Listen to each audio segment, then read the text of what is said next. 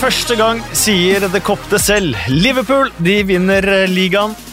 Roy Keane og Jamie Carragher de tok eh, Solskjær-debatten, de faktisk. Newcastle de kan kjenne lukta av overlevelse, mens eh, Arsenal de eh, vinner fremdeles ikke matcher. Vi fikk årets redning på Carrow Road.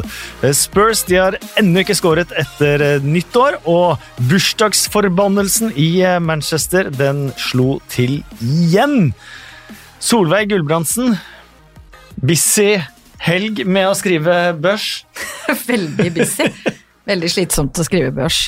Det, ja, og mer slitsomt enn å sitte i studio. Ja, Du får uh, kanskje mer pepper for børs enn når du spilte til og med kamper sjøl òg? Ja, helt ja. klart. Børs er det, er det ja, det er, det er aldri, folk er aldri enig, men det er greit. Hadde du endret Henderson-karakteren om du hadde fått sjansen? Jeg hadde nok gitt han litt mer. Okay. Da er det på sitt uh, rene. Og så har vi klart faktisk, uh, i et ekstremt uh, hektisk liv, tror jeg, for jeg følger deg på Instagram, Rasmus Wold, så syns jeg du er land og strand rundt med show og andre ting hele tiden. Er du egentlig her nå? Eh, jeg er her via sånn her eh, ny teknologi. Du, for deg så ser det ut som jeg er her, men jeg er egentlig på Jæren. På jern, er det? Er, eh, det er mye som skjer. Nå er det jo podkaster, og, og, så jobber jeg mot et sportsshow som de som følger meg på Instagram, ja. det er inkludert, har sikkert fått med seg. Da, ja. hvor jeg står i Liverpool-drakt på plakaten. Og det er jo provoserende for noen. Det kan være et hva er det, rødt flagg? Ja, eh, det er, eh, det er, jo ikke meningen å provosere noen, og det er heller ikke et Liverpool-show, men et sportsshow. Eh, hvor jeg tar for meg egentlig mye forskjellig idrett. Skriver på en bit nå om Manchester City og Qatar-VM, som vel er musikk i Frode Lia sine ører. Ja, for Frode Lia, du har tatt uh, turen hit, uh, du også. Uh, Jossimar gründer, forhenværende Jossimar-redaktør, og nå er du vel egentlig Shivatse-gründer? Og fotballtrener. Og fotballtrener. I fjerdedivisjon. Ja. Mm. Jeg hørte på Shivats-podkasten. Bra greier. Eller som ble kalt på Twitter, smattaste. Smattaste, ja. Det var en liten sånn melkerull-gate der med, fra Tor Christian med litt smatting i starten her. Ja, eh, så vi deler ikke ut melkerull her i eh, dag, men vi skal altså, eh, som dere fikk med dere av innledningen, gjennom en haug av ting etter nok en hendelsesrik Premier League runde. Vi skal også ha selvfølgelig faste spalter som eh, blomst og kaktus og andre ting. Og Bill Edgar tar eh, Han tar ikke turen innom, men vi skal sitere han med et par eh, greier også. Men vi begynner på Carrow Road, hvor Norwich fikk sin første seier siden november. De vant 1-0. De har tatt ledelsen i sju av sine ti siste ligakamper. Men dette var første gang det endte med seier, faktisk. Ja.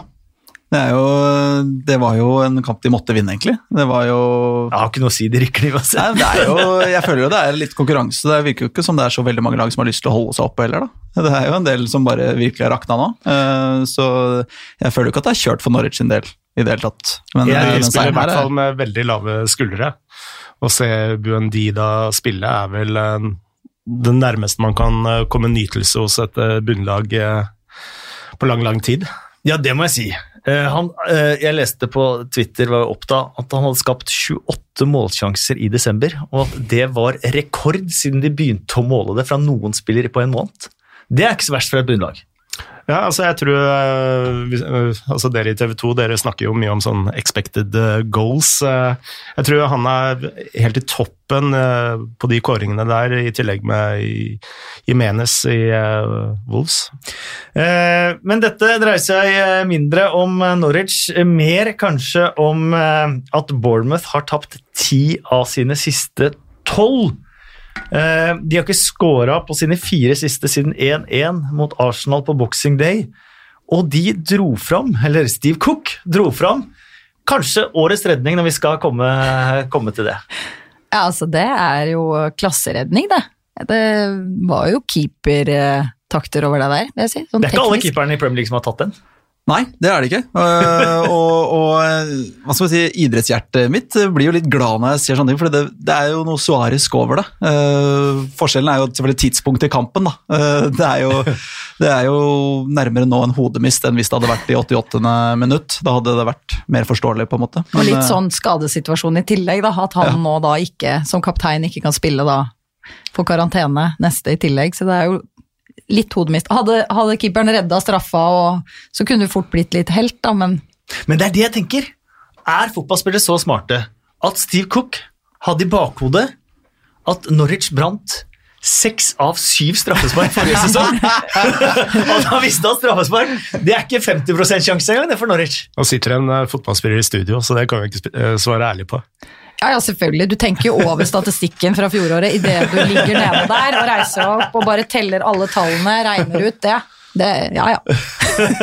Men når det er sagt, jeg, jeg syns jo det er veldig trist at Bournemouth gjør det så dårlig. da. Jeg har veldig sansen for den klubben. Det er liten, lite sjarmerende stadion, og, og, og, det er et av de båndlagene som prøver å spille litt offensiv fotball. Jeg syns jo det Eddie Howie har fått til der, er helt utrolig bra. Eh, så det smerter meg litt å se det. Eh, nå har de hatt ganske mye skader på ganske sentrale spillere også, som når du har en så tynn tropp, så er ikke det helt ideelt. Og da blir det jo var det ti tap på rad, eller hva du sa for noe? Hvis du så, pre eh, så pressekonferansen til Eddie Howe etter kampen, så illustrerte det veldig godt forskjellene mellom Norwich og Bournemouth.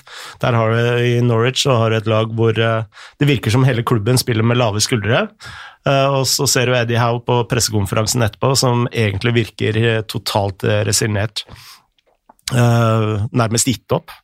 Så jeg er redd Bournemouth eh, kommer til å rykke ned. Ja, sa det. Eh, jeg vet ikke helt hva mer jeg kan eh, gjøre. Jeg kunne sagt jeg skulle jobbe hardere, men jeg kan ikke jobbe hardere enn jeg gjør nå, sa Eddie Howe. Vi hadde et historisk øyeblikk på Carroad.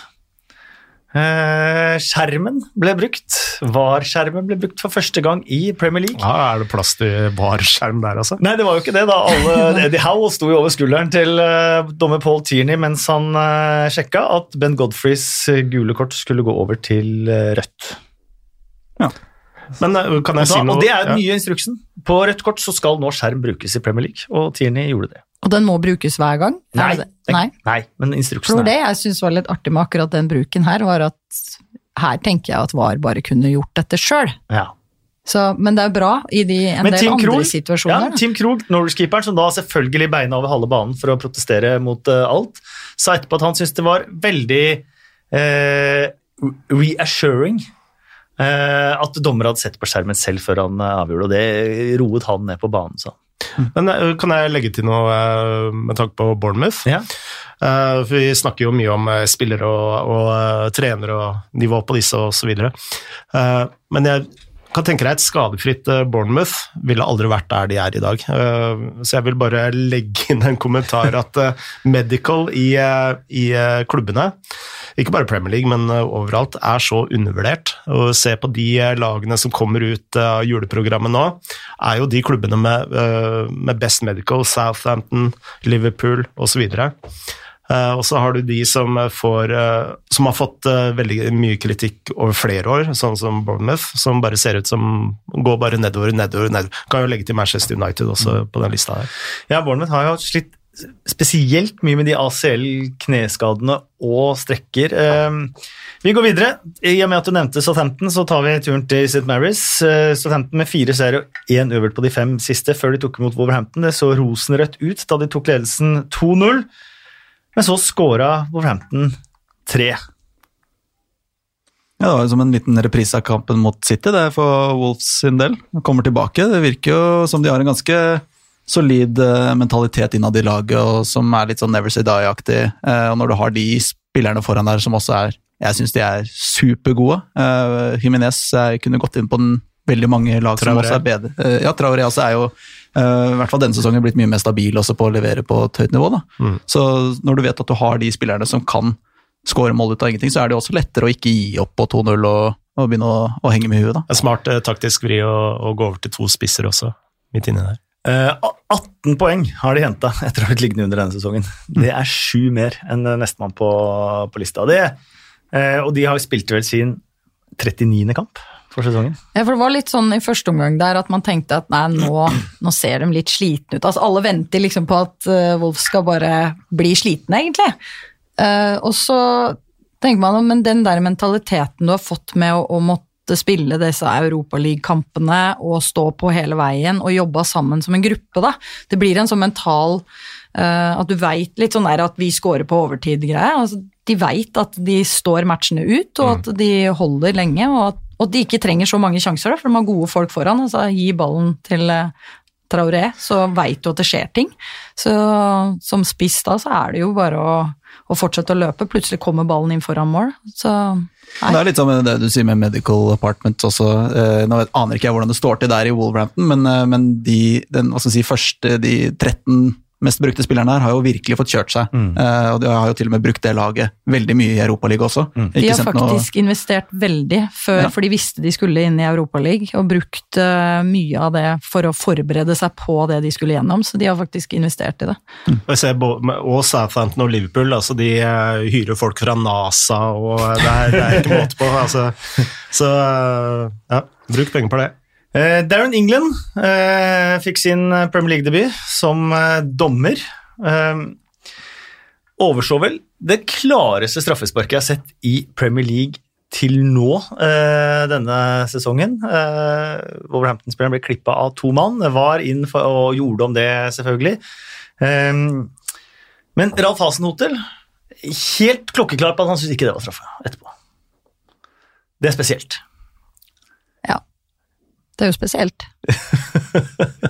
Men det er jo trenere Men det er jo egentlig når du kommer opp som ny eh, Premier League-manager, da, er det Nei, trener, nei, dommer, er det sånn at uh, ah, Jeg har VAR her. Jeg tør ikke bevege meg noe som helst på rødt kort Selvsagt, eller straffe Selvsagt har Det blitt blitt en uh, hvilepute for uh, mange dommere.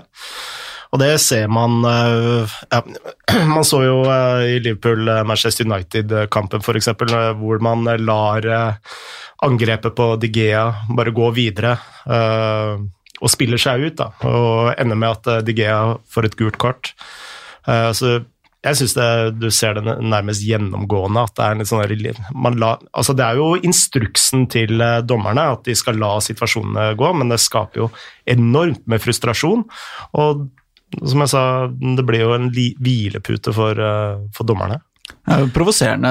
Nå, nå, hopper jeg litt ut av Southampton og Wolves her, da, men, uh, men, bare jeg ser van Dijk jeg ser jo først og fremst mye Liverpool. da, og, og de gangene han må ta returløp på 50-60 meter på en soleklar offside fordi linjemannen holder flagget nede. Det er jo fordi han skal ta ned, det, det, Jeg skjønner jo at han blir ja. utrolig frustrert, for han må jo sprinte av full kraft. Det var også en sånn situasjon Ake ble, eh, fikk eh, sin strekk eh, ja, for Bournemouth. Stemmer. Um, Wolverhampton de har hengt heng de på topp uh, fire. Ligger fem poeng bak uh, Chelsea med den seieren. Southampton, som da var et av formlagene i Premier League, de har fortsatt seks poeng ned til nedrykksstreken, så de ser fortsatt komfortable ut. Et lag som også ser komfortable ut nå, det er Newcastle. Var vel eh, var ikke mye de hadde å by på i løpet av 90 eh, minutter, men eh, på sitt første hjørnespark i matchen, tre-fire minutter på overtid, da fikk de målet som gjorde at de slo Chelsea 1-0.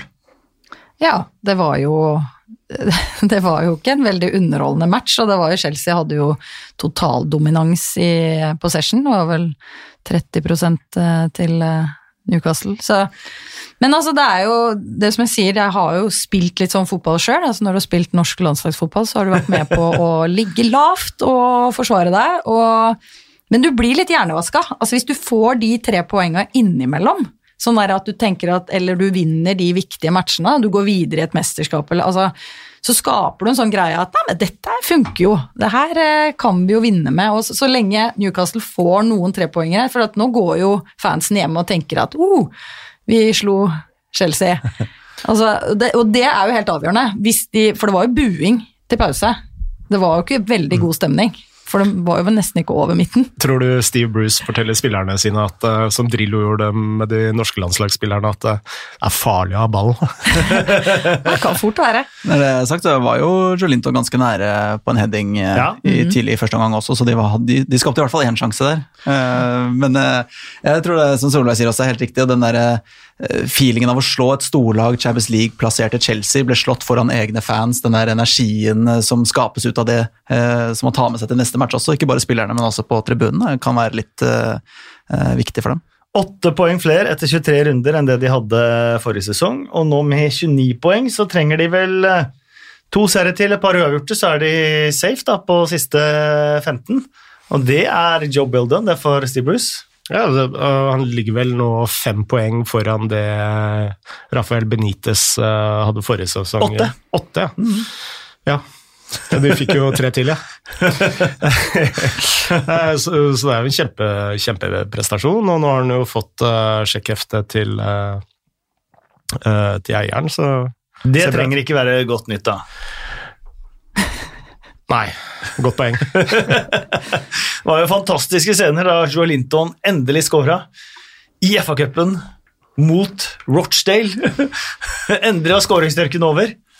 Ja, altså, Det var jo liksom nye Firminio. Eh, Newcastle mm. trodde de var kjempesmarte. og... Eh, og de hadde vel en slags sånn moneyball-modell uh, som de begrunna det kjøpet for, men Nei, det er ikke alt på, fra Hoffenheim man skal kjøpe. Men det er litt som jeg har tenkt, altså Når vi så den kampen, så er det jo litt sånn Det er ikke lett å være angrepsspiller på Newcastle heller. Det er det ikke. Så jeg tenker sånn, du, du får jo det som sånn Selvfølgelig, noen av de burde jo ha scora, vi så jo en del eh, avslutninger og sånn, men, eh, men det er ikke så ofte du får kjenne på følelsen av å være inne i motstander 16 meter Nei. og få prikke baller. Så Nei, det er jo noe med og, det, og de gjør en ganske knallhard defensiv jobb òg. Ja, og det skal jo også sies at uh, i Hoffenheim så skåra han heller ikke veldig mange mål. Uh, så han fungerte jo mer som en sånn presspiller mm. og oppspillspunkt. Noen som så målfeiringa til Matt Ritchie? ja, det jeg har jo egentlig tenkt å spare den til en av de kåringene litt oh, ja. etterpå, men han sparker vel av hjørneflagget der, og flagget går rett i pungen på, på tribunen der. Altså. Du ser han, han får knekken. Han blir, du vet Når du blir sånn halvkvalm etter å ha fått en ball i Det er ikke bra. Og du ser han går i kjelleren på tribunen. Store mannen hadde tårer. Ja, ja, ja. ja, ja, ja det, var, det, var veldig, først, det var en sånn gif på Twitter hvor det var et eller annet sånn der eh, Right in the nuts, eller et eller annet sånt. Og så så jeg det, jeg måtte se den giffen kanskje 20 ganger før jeg så hva som skjedde i ja. bakgrunnen, og at mm. han fikk det flagget Richard sparka rett i pungen. Og du så vi kanskje video fra han kompisen som filma bak han òg, hvor han uh, først ned på kne, og så må sette seg. Ja, og, der, sette seg ja, og der, ser man, der, ser man, at det presser seg fram uh, tårer på, på, mannen, faktisk. Jeg kom uh, akkurat fra en helt uh, like situasjon selv. Jeg. Lik? jeg har vært på jiu-jitsu-trening, fikk et kne rett i det hellige, og skulle sykle ned hit. Så, så hvis dere ser, jeg sitter litt sånn på sida. Du har mange barn fra før? Du har ikke tenkt å få flere, eller? Nei, jeg har fem, ja. så det er stopp nå. Ja. Ehm, for Chelsea sin del eh, så har de likt antall tap nå. Eh, åtte stykker som de hadde forrige sesong. Eh, de er egentlig bare fem poeng foran Manchester United og en Ole Gunnar Solskjær som har fått mye kritikk i løpet av denne sesongen. og Siden slutten av november så har de 0-1 mot Westham hjemme, 1-3 mot Everton borte, 0-1 mot Bournemouth hjemme og 0-1 mot uh, Newcastle. Det, det, er for mange av de der. Ja, det er det. Og så, Jeg klarer ikke helt, for jeg syns jo at Chelsea Jeg liker liksom måten de framstår litt på, da. Eh, jeg syns de spiller eh, ok. Det er mye bra spillere og så jeg, jeg, skjønner ikke helt hvorfor ikke de får altså Det er jo noe med at de slipper inn litt enkle mål, og sånn, men sånn offensivt får de ikke helt til. og Det handler jo litt om at motstanderen er blitt litt eh, obs på hva de kommer med og type spillere og sånn, men eh, Men kan det handle litt om Tammy Abraham, for det første på topp, som ikke har særlig covers. Når han ikke har dagen, så mm. har han ikke dagen. Eh, og så har vi verdens dyreste keeper, best betalte spilleren i Chelsea, men den dårligste redningsprosenten i, i Premier League, og han kunne definitivt hatt den der òg. Ja, og det har jo selvfølgelig noe å si. Altså, du er jo nødt til å ha matchvinnere i begge ender. Det, det må du hvis du skal lykkes. Så, så, ja, det har jo noe å si. Men, kan eh, Chelsea leve med det her i overgangsvinduet? Eller må de forsterke?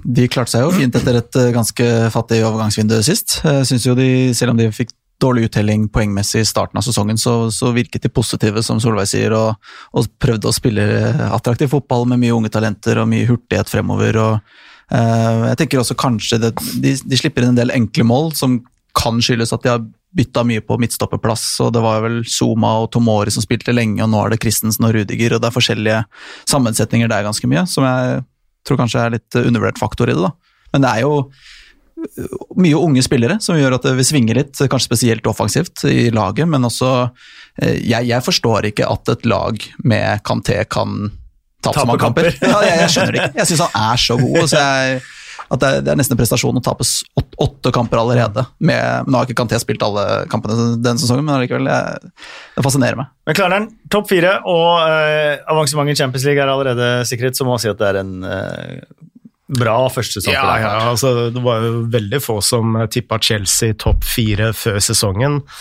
også med tanke på overgangsnekten. Uh, så jeg og kan tenke deg det juleprogrammet de har hatt nå, altså tett, med den unge troppen, så er det jo helt naturlig at uh, uh, det svinger litt i prestasjonen og kommer litt måltørke på én en enslig, ung spiss. Men de møter ganske De møter en del topp uh, type i, i, gamle dager topp seks. ja, det blir gamle dager fort. Ja, de har Arsenal neste, Leicester borte neste etter det, og så er de hjemme mot uh, Manchester United og Tottenham etter det. Så, det, ja, så de har jo litt uh, Men det kan jo hende at det er enklere motstand akkurat nå. Mm. Jeg tror at resten av dette overgangsmarkedet egentlig dreier seg om den siste Champions League-plassen, altså fjerdeplassen, mm. mellom Wolverhampton, Manchester United og og Chelsea. Rasmus, gleder du deg til vi skal snakke om matchen på Anfield? Eh, jeg, klarer, jeg, jeg, klarer ikke å forstå at ikke vi starta med det. Nei, eh, så da fortsetter vi på Turf Moor. eh, der Burnley lå under 0-1 til pause mot eh, Leicester. Snudde i andre gang, vant 2-1. Leicester har nå tapt fire av sine seks siste ligakamper. Begynner å brenne et lite lys for topp fire der, eller er forspranget så bra? Forspranget er jo kjempe, kjempesvært. Så jeg er ikke bekymra for Leicester i det hele tatt. Ja, Pluss at de andre taper jo mm. Ja. Ja, de har ikke, de har, den luka kunne jo ha vært mye mye mindre, men det, det virker jo igjen som at det, det, er mange lag som ikke har lyst til å holde seg i Premier League, og så er det mange lag som ikke har lyst på Champions League. Det er eh, Eh, jeg syns Leicester sitt lag, eh, og egentlig, også tropp Jeg syns ikke den er så tynn som eh, Nei, det ble hevdet i, i helgen, men for jeg syns de har gode spillere som kommer inn, som Harvey Barnes og Jose mm. Perez og sånn. Det er ganske gode spillere som plutselig tar de plassene der, da. Jeg fikk ikke sett den analysen, men det var jo en analyse på Ndidi. Han er et stort savn. Ja, han er en stor grunn til det. Det er jo etter det at det har gått dårligere. Ja, for de holdt jo nullen mest i hele Premier League frem til hans skade. Og hadde Wardy satt uh, Wardy, eller var de? eh, eh, satt den straffa, så hadde vi jo ikke sittet her og snakka om eh, Leicesters formdupp. Det er kanskje sant, men det gjorde han ikke. Harvey Barnes skåra det første målet, og det kom så lite sjokk på meg at han er født i Burnley. Og at faren hans spilte i Burnley i tre sesonger. Så han ble jo født uh, Er han sønn av Ashley Barnes? Nei, uh, han er født av uh, sønn av Paul Barnes. Men I løpet av de tre sesongene Paul Barnes hadde i Burnley, så fikk han Harvey. Og Paul er født i Leicester. Det visste du. På ingen, ingen, måte, men når vi skal snakke om Burnley, så kan jeg bare si at Ben Mee har spilt en av de dårligste kampene av en god midtstopper jeg har sett på lang tid. Ja, Det var fryktelig Det var eh, det målet til Barents, hvordan han bare jogger forbi. det var elendig forsvarsspill, og han er vel den som lager straffa også, tror jeg. Mm. Det er helt, helt ute å kjøre. Men jeg tror skal at han var god. Og så må jeg uh, høre uh, Nå spør jeg fotballspilleren først, Solveig. Uh, når Burnley, Burnley har tre cornervarianter som de varierer mellom. Men de prikk like alle tre. Eh, de er veldig lett å se på video i forkant av kamp. Allikevel skårer de på én av de tre så å si hver kamp. Ja, da gjør jo ikke motstanderlaget jobben sin. For at du må jo Du, du får jo vite det. Jeg mener jeg sa før den corneren, corner Burnley skåra på, så sa jeg eh, tett på keeper på bakre, hedde inn i midten. Det er oppskriften. Men det er, og så var det det som skjedde, og så men det er det, det største problemet for alle fotballspillere. Det er når ballen At de er tjukke i huet? Ja, på cornersituasjoner, vel å merke. Det er at når ballen Du har en oppgave, så går ballen over hodet ditt, og da skal du Og da, da glemmer du oppgaven. Da glemmer du oppgaven. Eller du må overta en ny oppgave, og noen andre må skjønne at nå må jeg ta en ny oppgave, da mister alle det. Så sånn sett, genialt. Men, eh, men det er jo helt håpløst, fordi det er jo egentlig bare å drite i den ballen som går over. Du må egentlig fokusere på der den detter ned. Og det er Burnleys angrepsspillere flinke til. Ja. Chris Wood eh, har jo, eh, er jo ekspert på dette her. Bare finne seg tre, tre meter eller mindre innafor femmeteren og prikke dem inn. Men jeg tror også, som, som Frode sier, at hvis Vardy hadde skåret på den straffen, så hadde vi ikke snakket om Leicesters formdupp, og vi hadde kanskje snakket mye mer om Burnley sitt nedrykksspøkelse. For de hadde tapt fire på rad før denne her, og de nærmet seg nedrykksstreken, og nå har de pusterom. Ja, nå er det litt pusterom, men jeg, jeg tror ikke de skal puste for letta ut heller. Jeg, jeg syns ikke det laget er i nærheten. Jeg, de, jeg syns de har ålreite midtstoppere. De har ålreite spisser når Barnes og Wood spiller, og så har de en ålreit keeper. I min bok da, nå ser ikke jeg voldsomt mye Burnley, men det er sånn jeg tenker, og, og resten er championship-nivå. Eh, og da skal de ligge der de gjør nå. De har jo overprestert i mange år, eh, og nå er de mer der de hører hjemme, føler jeg. Men jeg liker at eh, jeg liker at ulike spillestiler med ulike typer spillere eh, kan lykkes i en liga. Det syns jeg gjør ligaen rikere. og Derfor så elsker jeg litt at eh, Burnley kan spille på den måten og eh, overleve året etter år. Ja, det er den eneste måten de kan overleve på, tror jeg. Eh, på Vicarage Road eh, der møttes eh, to eh, gamle eh, venner. Eh, Nigel Pearson og José Mourinho. 0-0, og det er første gang på 93 ligakamper at Tottenham spilte 0-0. Um, Gazzaniga reddet straffespark, mens Posetto reddet Watford på overtid. Men Spurs uten Kane resten av sesongen, det kan se skummelt ut. Ja, det gjør jo det. Men altså, det er jo ikke det at de ikke har andre gode offensive spillere, det er bare at uh, det ikke fungerer generelt. Men jeg synes Tottenham ser jo ikke noe annerledes ut nå enn det de gjorde, altså trenerbyttet. Uh, og Mourinho har jo kommet inn, og det har jo ikke gjort noe jeg tenkte Enten så må de jo få en sånn bedre defensiv kontroll, eller at du får spillere som ser ut som de har fått en litt sånn attitude. Litt sånn Arsenal sin forandring har jo vært litt tydeligere, syns jeg. Men eh, nei. Nei. Men eh, nå, så jeg forstår meg ikke helt på Mourinho heller. Jeg vet ikke helt hva han står for sånn offensivt. Altså, det ser ikke noe tydelighet nå. Begynner Mourinho uh, sin filosofi, kampinngang, å bli litt utdatert? I konkurransen med veldig mye av det andre han har? Altså øh, Solveig sa det jo egentlig ganske bra. Altså, Hva står Mourinho for i 2020? Altså, Han har jo øh, skapt seg en karriere ved å være pragmatisk, ved å spille på styrker til eget lag og svakheter til motstanderen. Og, det er litt sånn Emery var noe av det samme i Arsenal. Men når vi ser på de som har suksess nå i de største ligaene, så er det de som har en veldig tydelig spillestil og konsentrerer seg kanskje mer om eget lag enn motstanderlag, som er styrken til, eh, til eh, Mourinho. Og, eh, så det er jo litt sånn bekymringsverdig, men det jeg er egentlig mest spent på med Tottenham nå, det er jo dette overgangsvinduet. Altså Nå har du fått inn Mourinho, bestekamerat med verdens største agent, Hoji Mendes. Du ser, nå har de uh, allerede gjort den første Hoji Mendes-overgangen. Uh, så jeg er veldig spent på om det kommer to-tre spillere til som kan uh, Fordi Tottenham er jo også i et slags sånt generasjons... Om ikke generasjonsskifte, så Jo, men jeg skjønner hva du mener. Definitivt. Ja. Så det Tottenham vi snakker om i dag, kan fort være ganske annerledes enn det som, eh, som vi snakker om om en par uker. Eh, Nigel Pearson har jo eh, kommet inn veldig med den filosofien i Watford, at vi skal spille vårt spill. Vi skal kun tenke på oss selv. Og så leste jeg ting som kan tyde på at bare det Hardman-imaget hans, at det ligger noe bak der. da, At han har letta opp på ganske mange regler for, for spillere. Eh, Både med, med tanke på fri etter bortekamper, ikke obligatorisk å være med bortebussen hjem hvis man har familie og venner og besøke der man, der man er.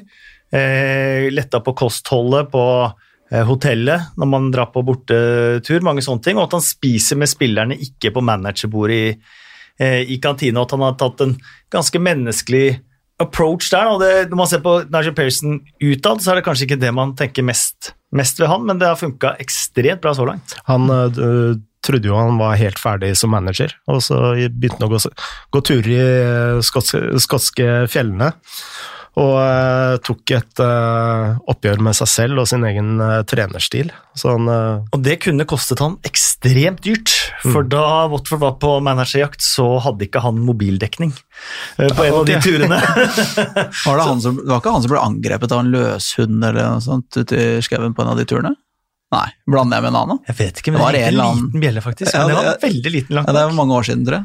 Uh, det kan være også basert på en drøm jeg hadde. Altså, jeg, jeg vet ikke hvor jeg har det fra. Men jeg mener husker at han ble angrepet av noen noe løshunder eller noen ulver eller et eller annet sånt i skauen. Men Det er i hvert fall litt sykt hvis du har drømt at han Pearson ble. Jeg ble drømmer veldig sjelden om Nigel Pearson lenger. Men, uh, men uh, tilbake til Jeg syns det var veldig interessant med, med Mourinho-praten. For når han tar over Tottenham, som er eh, si, et topp fire, topp fem-lag i England, så er du forventa å dominere eh, kamper i 80% av tilfellene. Og eh, det ser vi med Klopp og Pep, og, og jeg tror med Arteta kanskje på sikt også, at du må ha et offensivt spill og en plan. Og jeg, jo mer jeg ser Mourinho på, i et lag uten fantastiske stjerner, eh, som han hadde med Drogba og Hazard i Chelsea og Ronaldo i Real Madrid, og så hva er han god for?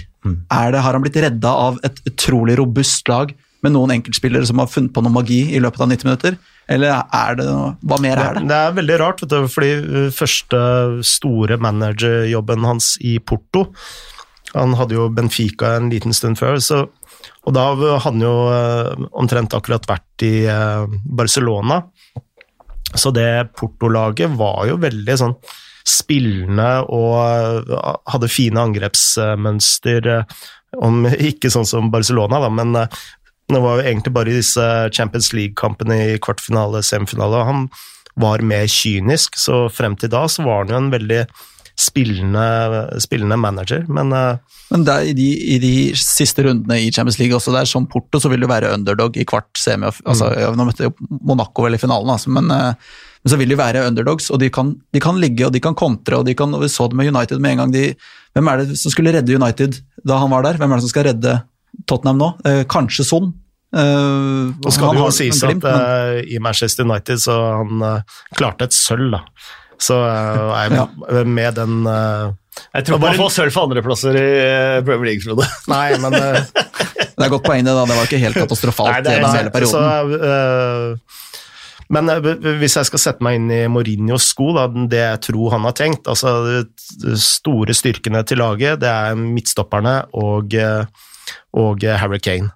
Eh, og da eh, Ikke at jeg er enig i at midtstopperne er det beste med Tottenham, men jeg veit jo at han har jo forsøkt å hente uh, hvert fall en av de midtstopperne i tidligere klubber. Så sånn tror jeg han tenker. Og da vil legge seg lavt og spille ballen tidlig opp til Harry Kane.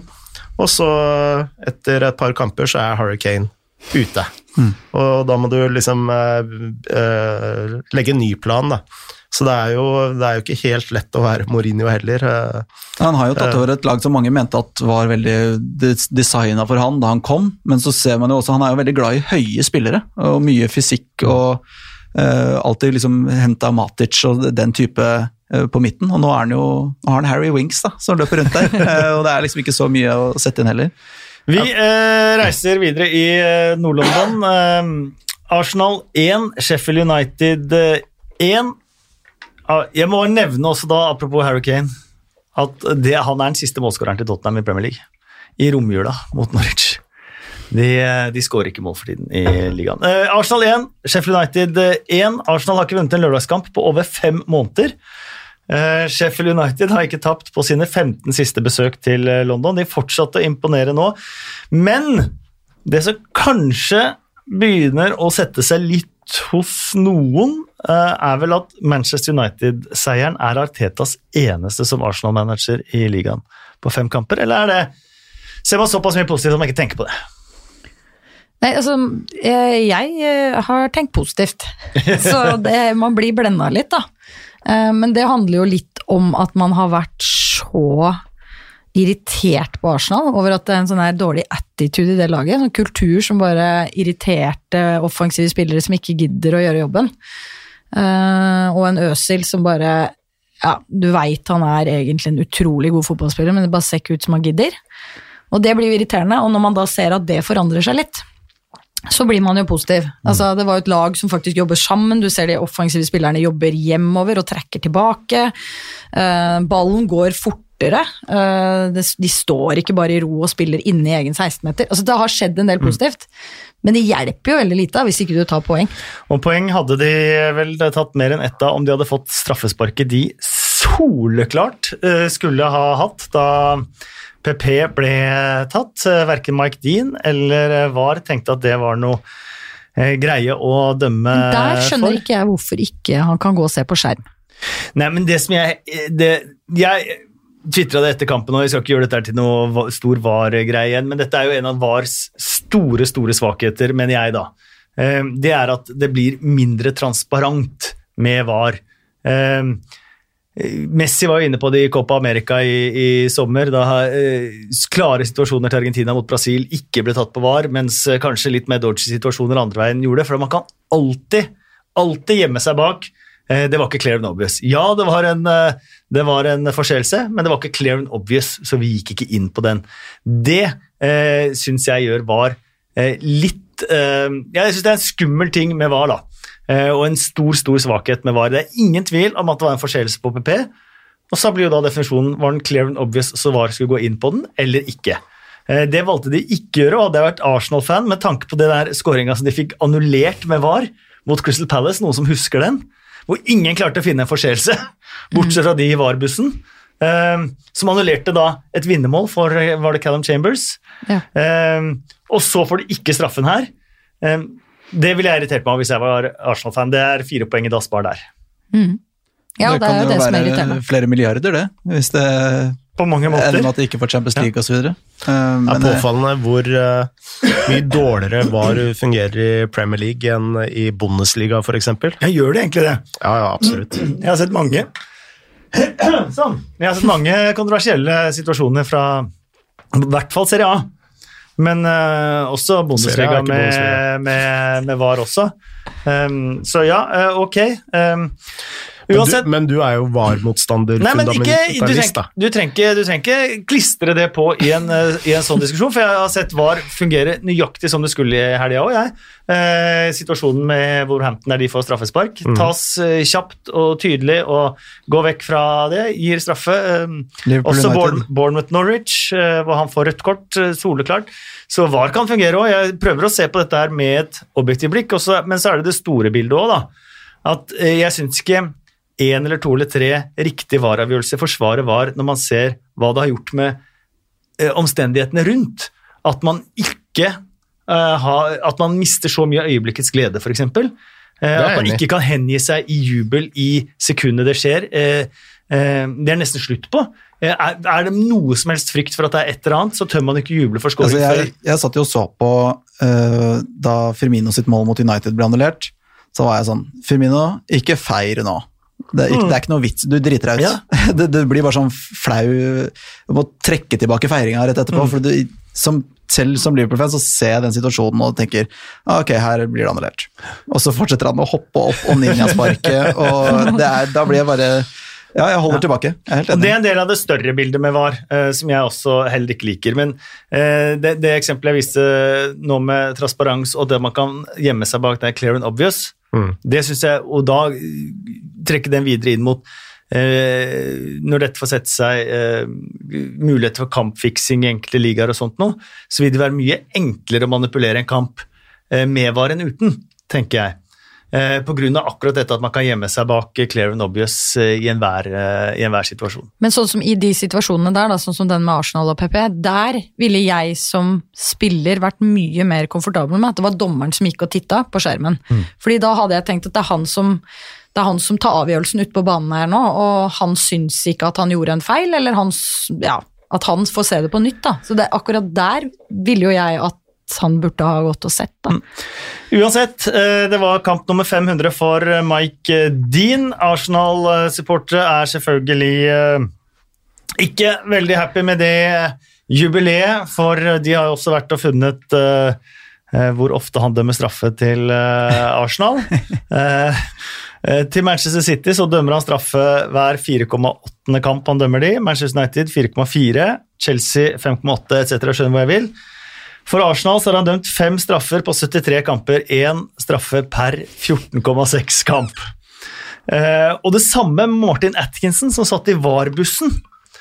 Han har altså dømt straffe til, eh, til Arsenal i én av åtte kamper, mens motstanderne til Arsenal i én av 3,7 kamper.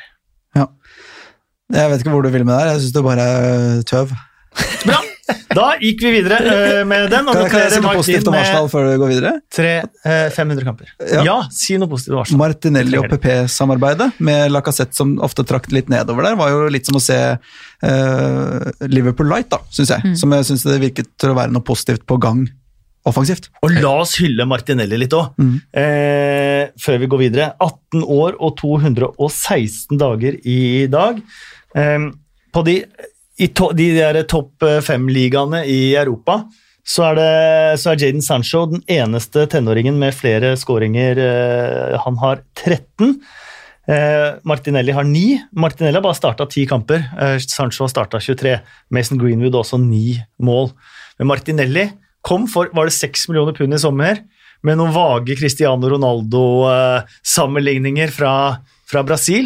Eh, og det er mye som tyder på at han kan få en flott karriere, han òg. Ja, jeg syns han hadde et veldig bra kamp. Og så det vi snakka om litt i studio, var at han liksom tilstedeværelsen hans og bevegelsesmønsteret og han virka som en fotballspiller som var glad for å være utpå der. Da. Sånn, han var jo ikke noe stressa heller. Altså at uh, han, skulle, han skal jo fylle noen sko der nå, med Aubameyang ute, så var det liksom Men han virka, og så skårer han jo mål i tillegg, og det er de jo helt avhengig av å ha. Noen som skårer for Arsenal.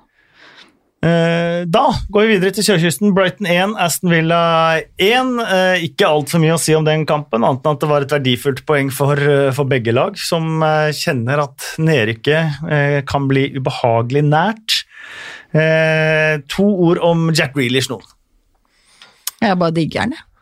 Altså, det er jo en fotballspiller. Altså, det som jeg har sagt før, at jeg var skeptisk. Den sleiken, litt trang shorts, korte sokker. Meget trang shorts Ja. og veldig korte sokker. Sinnssykt Nevemagnet. Ja, er det. det er, man blir jo forbanna når man ser på, så er den så god at det blir litt sånn Nei, greit, da. Du kan ha den Ja, altså, når du er han er litt god. sånn, får utrolig mye frispark òg. Han er jo den som får mest frispark, tror jeg. Og så tenker du liksom han oppsøker situasjonen. Men nei, altså han er, det er utrolig bra med ball. Uh, fotballforståelse, avslutninger.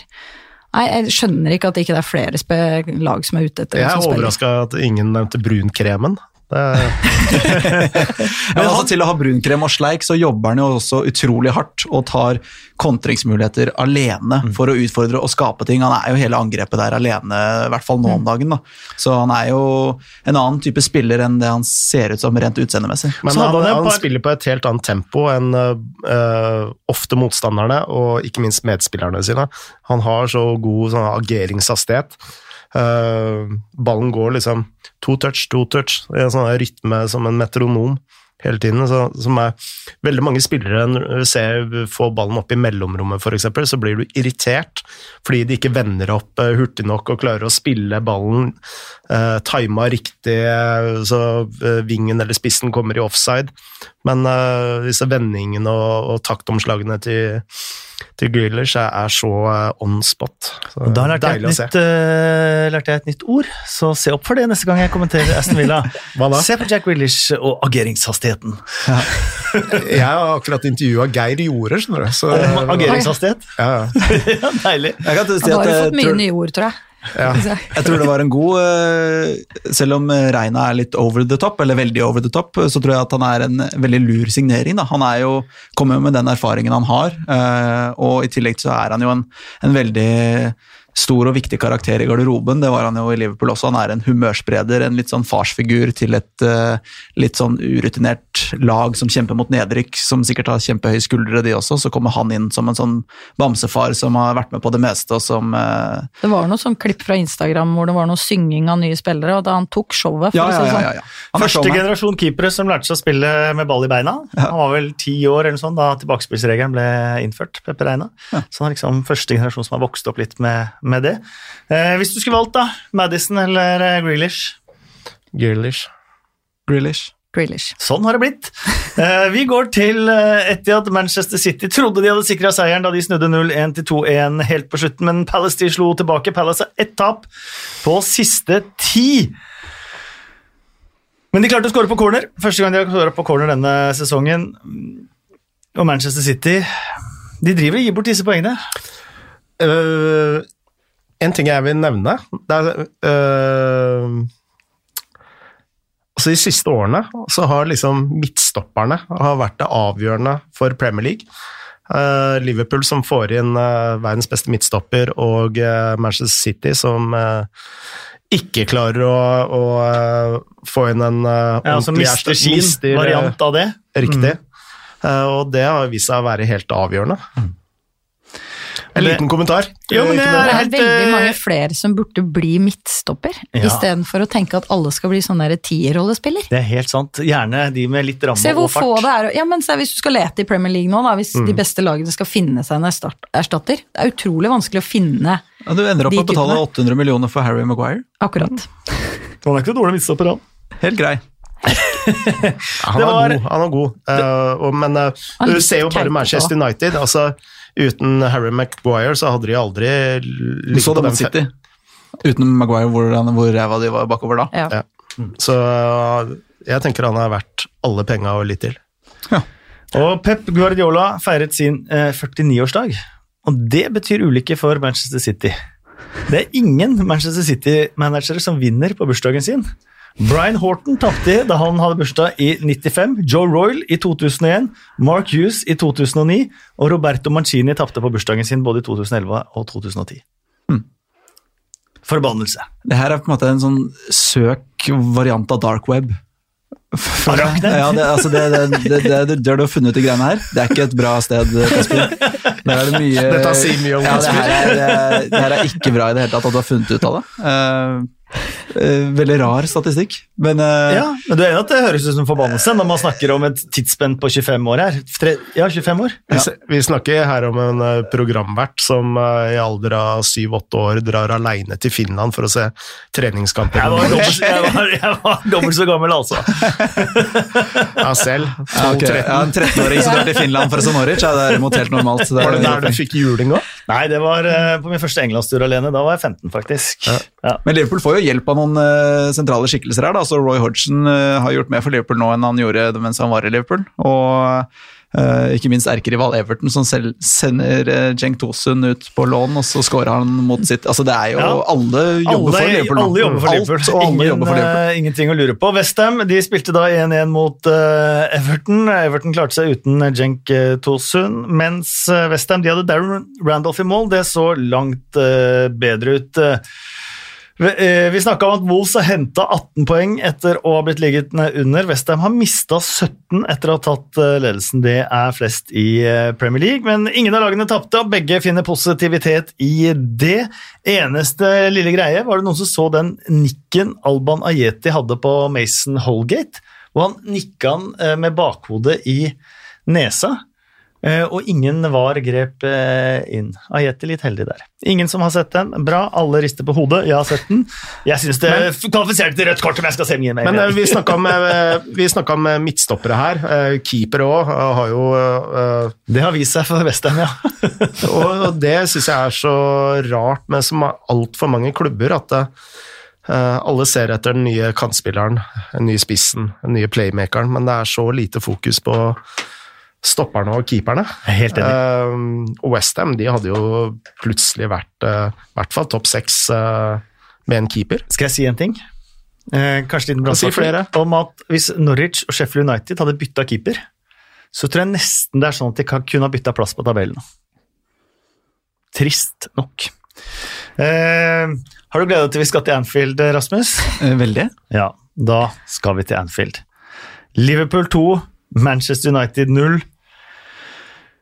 Vi husker Alex, sir Alex Ferguson da han eh, tok over eh, Manchester United og skulle knock eh, Liverpool off their fucking perch.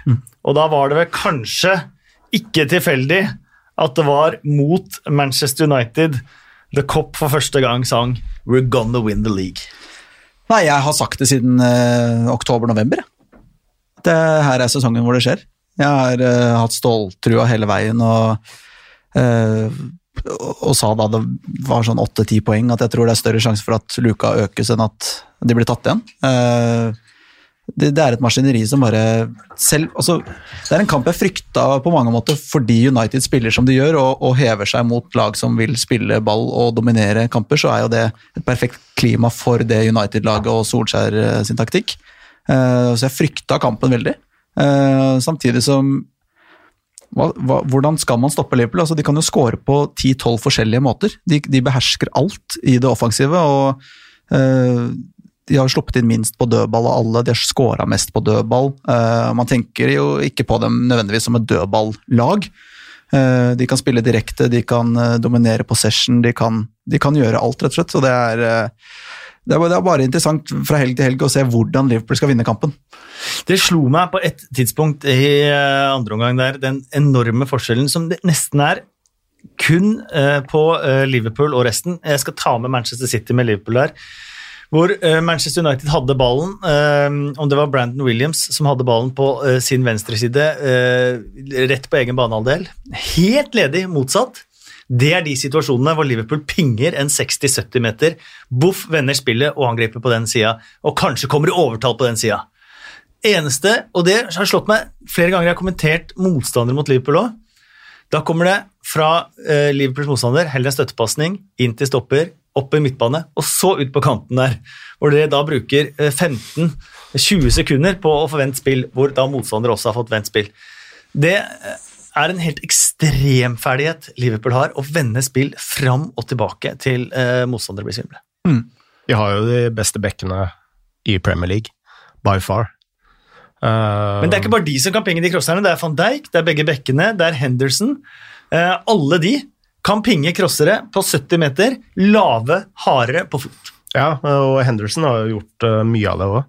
Men eh, eh, altså, det er jo ingen som har gjort det i samme, samme grad som Robertson og Arnold.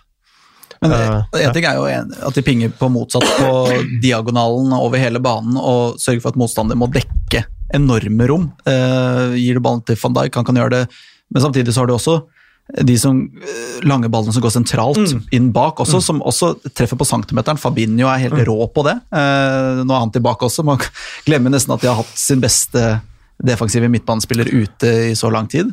eh, fordi Henderson har steppet opp og, og vært så god, men det er som jeg sier, altså, hvordan skal man forsvare seg? Fordi de, de har uendelige måter å angripe deg på, og de finner en vei til målet. øh, hvis jeg skal si noe om Liverpool, det jeg er faktisk mest imponert over Liverpool de siste fire årene, det er forvandlingen til Jørgen Klopp. Jeg husker når jeg først begynte å følge Klopp under Mainz og sånn, så han var jo en øh, Selvfølgelig, du var, eh, du var med en lupen på kloppet i Mainz. Ja, var det. Ja, ja, vet det. Jeg var til Du kan med snakke om at jeg er rar og spesiell. Altså. Ja, jeg var til og med på pressekonferanse når han eh, fikk nye tenner og hår på toppen. Ja, Så- og du skal, meg, du skal sitte der og kalle meg rar for at jeg kom med litt rare greier. Ja, nei, men så jeg så et par treningsøkter, og det er ikke måte på.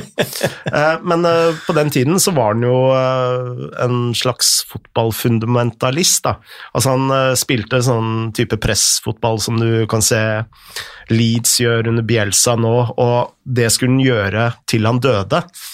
Eh, og det samme når han eh, tok over eh, Borussia Dortmund. Altså det var, De sto jo med den høyeste backfireren noensinne, ikke sant. Og det gjorde han jo også første året i Liverpool. Altså, han modererte seg litt når han tok over Liverpool, men det som har skjedd nå det siste året, det er jo at Liverpool har jo blitt et komplett lag.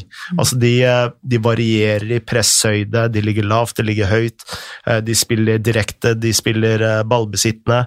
Altså de, de kan alle aspekter av, av spillet, og det som er så bra med det, det er at hvis du møter en motstander som kommer med noen taktiske trekk, da si Manchester United som bare Da må du kunne Du må ha spillere ute på banen som kan alle aspektene av spillet, og det kan Liverpool bedre enn noen annet lag jeg har sett noensinne. Eh, De kan omstille seg under kamp. eh, For der er kanskje den store forskjellen akkurat på Manchester City nå, da. Så kan man jo si at Manchester City har en viktig spiller skada og ute og har blitt prega litt av det. Men det var forskjellen i fjor og nå, er jo at City har vært så ekstremt gode på å bare ha ball. Eh, og vinne tilbake, men også komme seg gjennom et etablert Men de har jo sjelden lagt seg ned, altså ligge på egen banehalvdel og ligge lavt. altså De har ikke vært så opptatt av det, de skal bare ha ballen hele tiden. Eh, Liverpool har jo nå Kanskje de var mer sånn høyt press jagende lag. Eh, nå er de jo blitt mye bedre mot etablert òg. De styrer jo spillet i mye større grad. Før så var man kanskje redd for at det er bare City som klarer å brodere seg gjennom et Wolves som ligger i en 5-4-1 eller Men nå er jo Liverpool der òg. Altså, De håndterer alle typer motstandere. Så de første årene så tapte jo Liverpool en del sånne nøkkelkamper ved at eh, eh, motstanderen bare spilte ballen langt i bakrommet. Og greit nok, nå har de fått inn van Dijk, men uh, det handler mye om uh, hvordan laget står òg. I de situasjonene som eh, For jeg syns det er sånn taktisk sett i matchen i Ja, altså Liverpool slår langt, ganske mye fra start av. Prøver å spille seg over presset til eh, Manchester United, og ønsker på en måte å bryte opp litt. Og så ser du at egentlig så gir dem det ikke dem, de gir dem egentlig ikke så veldig mye, eh, men de prøver å gjøre et mottrekk. Og så ser du at eh, bekkene var ikke så veldig mye involvert i første omgang. Altså, de har tenkt nå at vi må passe på det rommet som Manchester United ønsker å kontre i med å legge to breispisser. Altså, de har lært fra forrige match. Men så ser du bare når de går ut etter pause, så er det sånn gi beng i den taktikken. Vi er bedre enn det laget her. Vi bare driter i det, vi kjører på, og så er det venstresida der med Robertson og kommer ut i en turbo som bare Manchester United ikke henger med på i det hele tatt. For, for ja, det blei jo eh, litt jevnt på, utover i annen omgangen der, men eh, altså du Og de hadde jo en stor sjanse med Pereira i første og, og litt i andre, så Men den, Så- det, rett etter pause der, Ja. så er det jo bare det- flaks at, eh, altså, at United ikke slipper inn mål i det hele tatt. Ingen forkleinelse, men det var som å se en cupkamp eh, med et eh, Premier League-lag som ikke sparte spillere mot et eh, lavere divisjonslag, faktisk. Ja, men eh, det var akkurat det jeg skulle si. Altså, du ser jo at Liverpool kan spille på et gir eller to eller tre eh, høyere enn Manchester United. Og, men det, altså, nå er jo Rashford også ute. Eh, det jeg er mest bekymra for eh, med tanke på Manchester United altså der, Det som er unikt med den klubben akkurat nå, det er at det har gjort seg uvenner med de to største agentene i hele verden, som sitter på de aller beste spillerne i hele verden, i Jorge Mendes og Mino Raiola. Det er ganske unikt, altså. Eh, Og hvis du ser på de klubbene rundt, som Wolverhampton, hvor Jorge Mendes er inne som rådgiver, hvordan skal Manchester United konkurrere om rekrutteringen rekruttering når de ikke engang er interessert i å snakke med agentene? Nei, de hadde jo hatt bruk for Neves, f.eks., på midten. eh, Han hadde vært fin i, Ja. i eh, Manchester eh, United. Vi må snakke bitte litt mer om Liverpool, eh, Rasmus. Ja. Du må fortelle litt faktisk eh, hvordan det er å være Liverpool-supporter om dagen, for du er født i 1991. Mm. Hæ? Tenk at jeg Ja, jeg har, eh, ja, det, det- er året etter, eh, det er året etter at Liverpool vant sin siste ligatrofé. Ja. Så du har aldri opplevd dette her? Nei, jeg har jo ikke opplevd det ennå heller, eh, men, eh, men nå begynner jeg å få, få ordentlig trua. Det er eh, fotball, Forholdet mitt til fotball er eh, rosenrødt nå. Eh, Det er ofte rødt generelt, men nå er det nå, Jeg gleder meg til å se som jeg sa, hvordan Liverpool skal vinne kampen, for det er ikke noe tvil om at de skal vinne kampen. Eh, Den eneste kampen hvor jeg tenker at de ikke er favoritt nødvendigvis, er borte mot City, som kommer. Ellers så er de favoritt Norwich i City, ikke sant? ja, ikke sant? Eh, 37 av 38 kamper så er de favoritt eh, borte mot City. Helt 50-50 nå. Eh, jeg, jeg gleder meg til å se gutta mine, som jeg kaller det. Og, og det er jo lett å bli sjarmert av de tre foran der som, som bøtter inn i hytt og pinne, men, men eh, jeg leste vel en statistikk om at de tre foran oss, altså Greenwood, Martial og Rashford hadde skåret flere enn er de tre. like mange nå. Ja, like mange nå. Uh, og jeg blir mer imponert av Forsvaret, som vi var litt inne på i stad, hvor det, den linja eh, som van Dijk setter, er så snorrett. Uh, og de er så gode til å sette motstanderen i offside, så de unngår de store kontringsmulighetene som måtte er en av de største farene for Liverpool på måten de spiller på.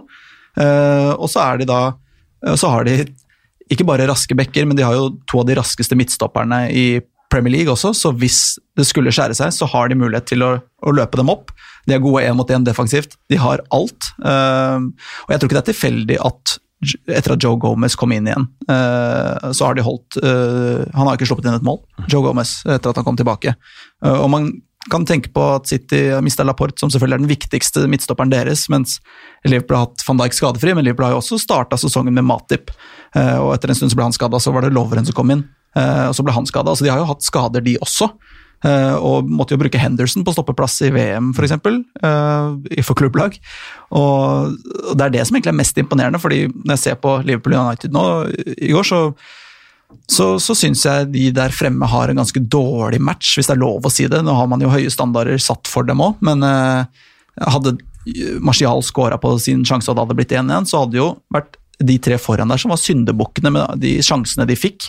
Det er jo eh, nesten litt undersnakka hvor eh, alvorlig det er å bomme på store sjanser som spiss når du får to-tre muligheter, eh, kontra det å gjøre én forsvarsfeil, hvor du blir halshugget og syndebukk i ukevis og du må ut og osv. Er sikker på at Lovren har sikkert gjort færre feil defensivt enn Mohammed Salah har scora. Eh, eller altså mista offensivt, da. Jeg tror det er litt sånn undersnakka poeng, og jeg hadde blitt forbanna på først og fremst de tre fremme der hvis ikke det hadde blitt tre poeng i går. Og apropos det, vil dere høre noe helt vilt? Gjerne. Alison har altså holdt nullen flere ganger enn mål han har sluppet inn. Det er jo sjukt. det er jo helt vilt. Nå øh, Han inviterte jo Firminio til øh, kirken sin, øh, så forrige uke så ble jo Firminio døpt. Døpt, ja, det så jeg. Det var vakre, vakre bilder der. Du tok til, tok til tårene og Ja. hoppa ut i bassenget der. Ja. Det er, jo, det er jo et enormt samhold, og, og Men har du på et er eller annet tidspunkt siden du ble født i 1991, ja, har du sagt sånn Hvis Liverpool vinner ligaen, skal jeg Det har jeg helt sikkert. Ja. Prøver du å arrestere meg på noe du har hørt nå? Nei. Ok, eh, jo. jeg har helt sikkert sagt veldig mye rart. Sitter naken i podkaststudio Ja, altså, jeg, nå er jo det såpass nærme en realitet at jeg vil ikke love noe lenger. Hadde jeg, hadde jeg sagt det før sesongen, så ville jeg nok sagt noe sånt at det hadde vært helt greit for min del. Men, eh, men det som er altså, som man ser igjen ute på banen også, det er jo et lag og en garderobe, spillerne snakker om det hele tiden. Det er utrolig god stemning, og det er, når spillerne er ute på middag, det er ikke kun de engelske som holder sammen, eller kun søramerikanerne som holder sammen. Det er Dejan Lovren, Salah og Fabinho ute på middag. Det er liksom på tvers av alt, det er eh, rett og slett utrolig god stemning, og jeg tror Men det med kontinuitet, da, tror jeg også være samla over tid i en gruppe, og ikke liksom få inn nye hele tiden. Altså ha et lag som Og så har de jo et felles mål her. Nå er det kanskje ikke lenger så viktig for altså toppskårertittel og sånn, ja det er viktig, men nå veit alle at det er dette vi går for. Det er den Premier League-tittelen de har lyst på alle sammen, så nå har de liksom en sånn felles go, da. Og jeg tenker, altså er det noen gang Hvis du skal plukke ut et lag, da. En spiller som Henderson er jo en sånn jeg tror jeg hadde, Det er den første jeg hadde plukka. Sånn først på grunn av bare sånn mentalitet, type. Du veit at han kommer på trening og gir alt hver eneste gang. Og uansett hvor du plasserer han på banen, så gjør han den jobben han får beskjed om. Og Sånne type spillere, og der har jo Liverpool altså en Robertson, en Milner altså De har liksom de type spillerne da, som du kan se mange andre lag mangler. altså Hvis vi ser på Arsenal, Tottenham altså Det er jo en del andre lag som kanskje savner sånne type spillere. da. Og der, og der skal jo eh, Liverpool være glad at de har eh, en sånn struktur som heter eh, Director of eh, Football, fordi Henderson var jo på vei eh, eh, ut han, under Til Fulham. Ja, under mm. Brendan Rodgers, men eh, Og det, Brendan Rogers ville jo heller ikke ha Firminio, han ville ha Benteke. han. Uh, så ja. Ja, det er, uh, det, Tenk deg Benteke Ja. som ligamester der, da! ja, det hadde vært nydelig. Det er, det er jo nesten så man skulle henta Gerrard på en eh, firemånederskontrakt Ja, bare for å gi han det Premier League-gullet og så la han spille de siste fem Ja. matchene når eh, alt er avgjort. For det jeg hadde tenkt å spørre deg Rasmus, ligger det en bitte, bitte liten sånn tristhet i over at uh, Gerard aldri fikk det der? Det er klart, det. Det er uh, Har du sett den dokumentaren Uh, med Gerard? Nå er jeg litt usikker. Nei, jeg har lest Nei. boka hvor han Da eh, blir man jo bare trist. ja, han, Han har jo ikke kommet til over ja, Han er i USA og driver og Ja. Nei, det er jo Han måtte jo rømme landet han etter at han skled der. Eh, dro, til, eh, dro til Frankrike Du ser han har ikke kommet sånt. over noe- noe ennå. Nei. Nei, det kan jeg faktisk forstå. Eh, vi må ta kjapt Ole Gunnar Solskjær eh, her. Debatten gikk hardt på Sky mellom Keane og Carragher. Carragher eh, mener vel kanskje at nok er nok. Roy Keane tok eh, Solskjær i forsvar. Som Eivind Holt skriver på Twitter, det er ikke bare United-forsvaret som har tellefeil på Anfield. Carragher mente Solskjær har vært United-manager i 18 måneder, arrestert av Keane og programleder land på 16. Riktig svar er 13. Ja. Eh, for min del så tenker jeg dette Solskjær-prosjektet Han har vært veldig tøff, som har tatt eh, en del valg som på en måte Han kunne tatt annerledes valg som hadde satt han selv kanskje i en bedre posisjon med tanke på kortsiktige resultater, Lukaku. for eksempel. Men han har turt å gjøre veldig mye av dette, dette skiftet, da.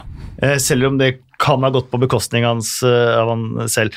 Eh, Så sånn sett så lander jeg på Keane at han må få fortsette. Men, men det som er Hvis man ser på siden av Ole Gunnar Solskjær og det Manchester United holder på med, da, så er Porcetino ledig. Det er det som gjør denne situasjonen litt annerledes, føler jeg. Hvis noen skjønte hva jeg mente med det. Jeg skjønner hva du mener med det, men uh, samtidig så Jeg tror alle er innforstått med at uh, den storrengjøringa Ole Gunnar holdt på med nå, den var fullstendig nødvendig. Absolutt. Uh, og jeg, jeg er jo helt sikker på at Ole Gunnar ville hatt inn spillere tidligere og raskere enn det han har fått, eller fått til. Men det å hente inn spillere som eh, kan eh, forbedre topp fire-lag, det er ikke lett. For, det første, hvis du er det, eh, som spiller i det sjiktet der, så er jo ikke Manchester United toppvalget. Da går du heller til Borussia Dortmund, da, eller andre lag som du kan spille Champions League og i det sjiktet. Så det er liksom ikke bare å plukke heller. Men samtidig, så for å gjøre plass til de spillerne som eh, kan gjøre eh, den klubben bedre, og eh, miljøet ikke minst, For det har jo vært, hvis du ser på suksessfaktoren til Liverpool, det er jo at Jørgen Klopp har klart å skape et så enormt godt miljø. Og det er noe man snakker altfor lite om når man tenker på spillerrekruttering og trenerrekruttering og sånn. Det er de som evner å få et lag til å bli bedre ved hjelp av miljø. Og da må man eh, bruke, bruke litt eh, lengre tid, eh, og du må være sikker på at de spillerne du henter inn, de må forbedre laget, og det skal Ole Gunnar Solskjær ha òg. De spillerne han har henta inn, de har jo gjort laget markant bedre. Absolutt, men eh, det var ikke helt svar på spørsmålet likevel, selv om eh, jeg er helt enig i eh, poengene. For Jo, vil, svaret på, vil, ville Solskjær gjøre dette her bedre enn Pochettino kunne gjort det? Ja, fordi eh, i det man, altså Pochettino er jo ikke interessert i å ta over et Manchester United uten eh, et, eh, en blankosjekk på nye spillere. Han har da vært veldig flink til å gjøre det, både Southampton og Tottenham. Tottenham har ikke ligget høyt på nettspent i det hele tatt. Southampton hadde en edge eh, ved at de var eh, den beste klubben i Premier League på den tiden på spillerrekruttering. Eh, og Southampton var også eh, a stepping stone. Altså han var en Ja, men se Tottenham, da.